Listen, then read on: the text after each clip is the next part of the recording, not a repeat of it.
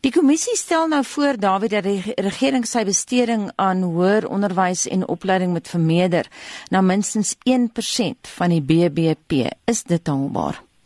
Wel, ek is altyd bang as iemand my so vra vra of dit bekostigbaar is, want sekerlik ja, dit is haalbaar, dit is sekerlik bekostigbaar.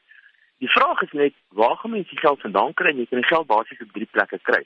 Jy kan die geld kry deur belasting te verhoog of jy kan geld kry deur besteding ergens anders te terug te sny of jy kan net eenvoudig meer geld gaan leen.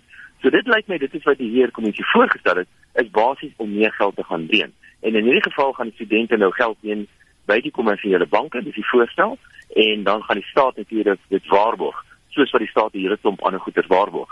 Miskien moet mense nou net ook die opmerking maak is dat 1% van BBP is so rolweg die die gemiddeld wat in die ryker lande betaal word vir hoër onderwys. So dit is dit is heeltemal binne perke. Dit is 'n redelike bedrag dink ek wat hoër gespandeer te word op hoër onderwys. Die probleem is net is dat ons is besig om die kar voor die perde in te span in Suid-Afrika, maar die probleem lê werklik waar by primêre onderwys. En dit is eintlik 'n onderwys wat myns insiens baie meer aandag behoort te kry. Davie, wat dink jy van die voorstel van 'n inkomste gebeurlikheidsleningsmodel? Die leningsmodel, ek dink dit dit gaan net vas op die bestaande leningsmodel vir die studente vervang. Hierdie leningsmodel kom basies daarop neer dat die studente gaan lenings dan kry by die kommersiële banke, die kommersiële bank gaan dit administreer en dan wanneer op 'n stadium wanneer jy begin werk, dan gaan SARS of die inkomste dien jou begin belas en die lening van jou af terugverhaal. Indien jy nie jou lening kan terugbetaal nie, dan gaan die staat natuurlik moet instaan vir hierdie spesifieke bedrag geld wat jy geleen het.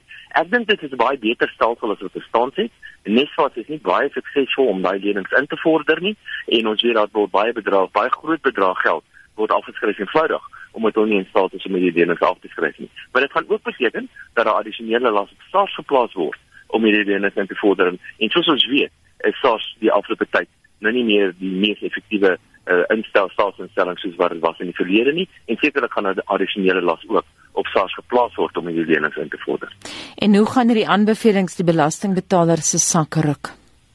Dit gaan die belastingbetaler se sak raak en die nie studente natuurlik nie hulle lenings terugbetaal nie. Dit gaan nie onmiddellik die geval wees nie, want natuurlik die stelsel gaan eers begin, maar eers vir 3, 4 jaar as al van die studente is wat klaar gestudeer het en hulle lenings kan terugbetaal nie of mense wat nie wil gaan plaas deur nie, dan gaan dit op die eind as die lenings nie terugbetaal kan word nie, gaan die belastingbetaler natuurlik daarvoor moet instaan.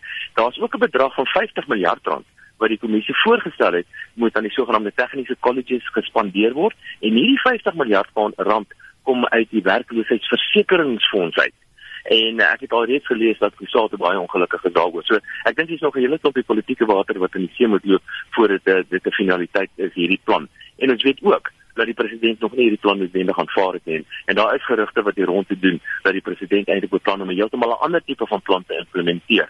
Maar ons moet sien wat daar gaan gebeur. As die president nie daarvan hou nie, dink jy die regering sal die aanbevelings implementeer?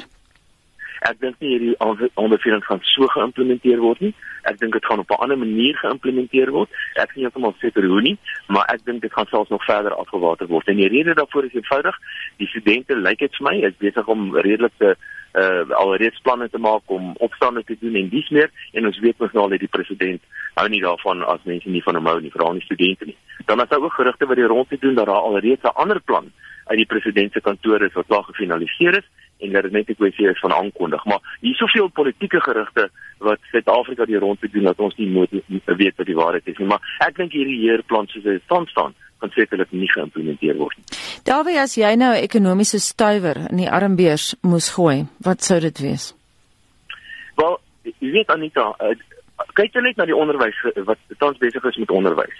Hier word 50 miljard rand gevat op voorstelle gemaak. Dat 50 miljard rand gevat word by die versekeringsfonds. Dan word gesê ons moet 1% spandeer op hoër onderwys. Dan word gesê dat die president het heeltemal 'n ander plan en onderwys gaan heeltemal gratis wees.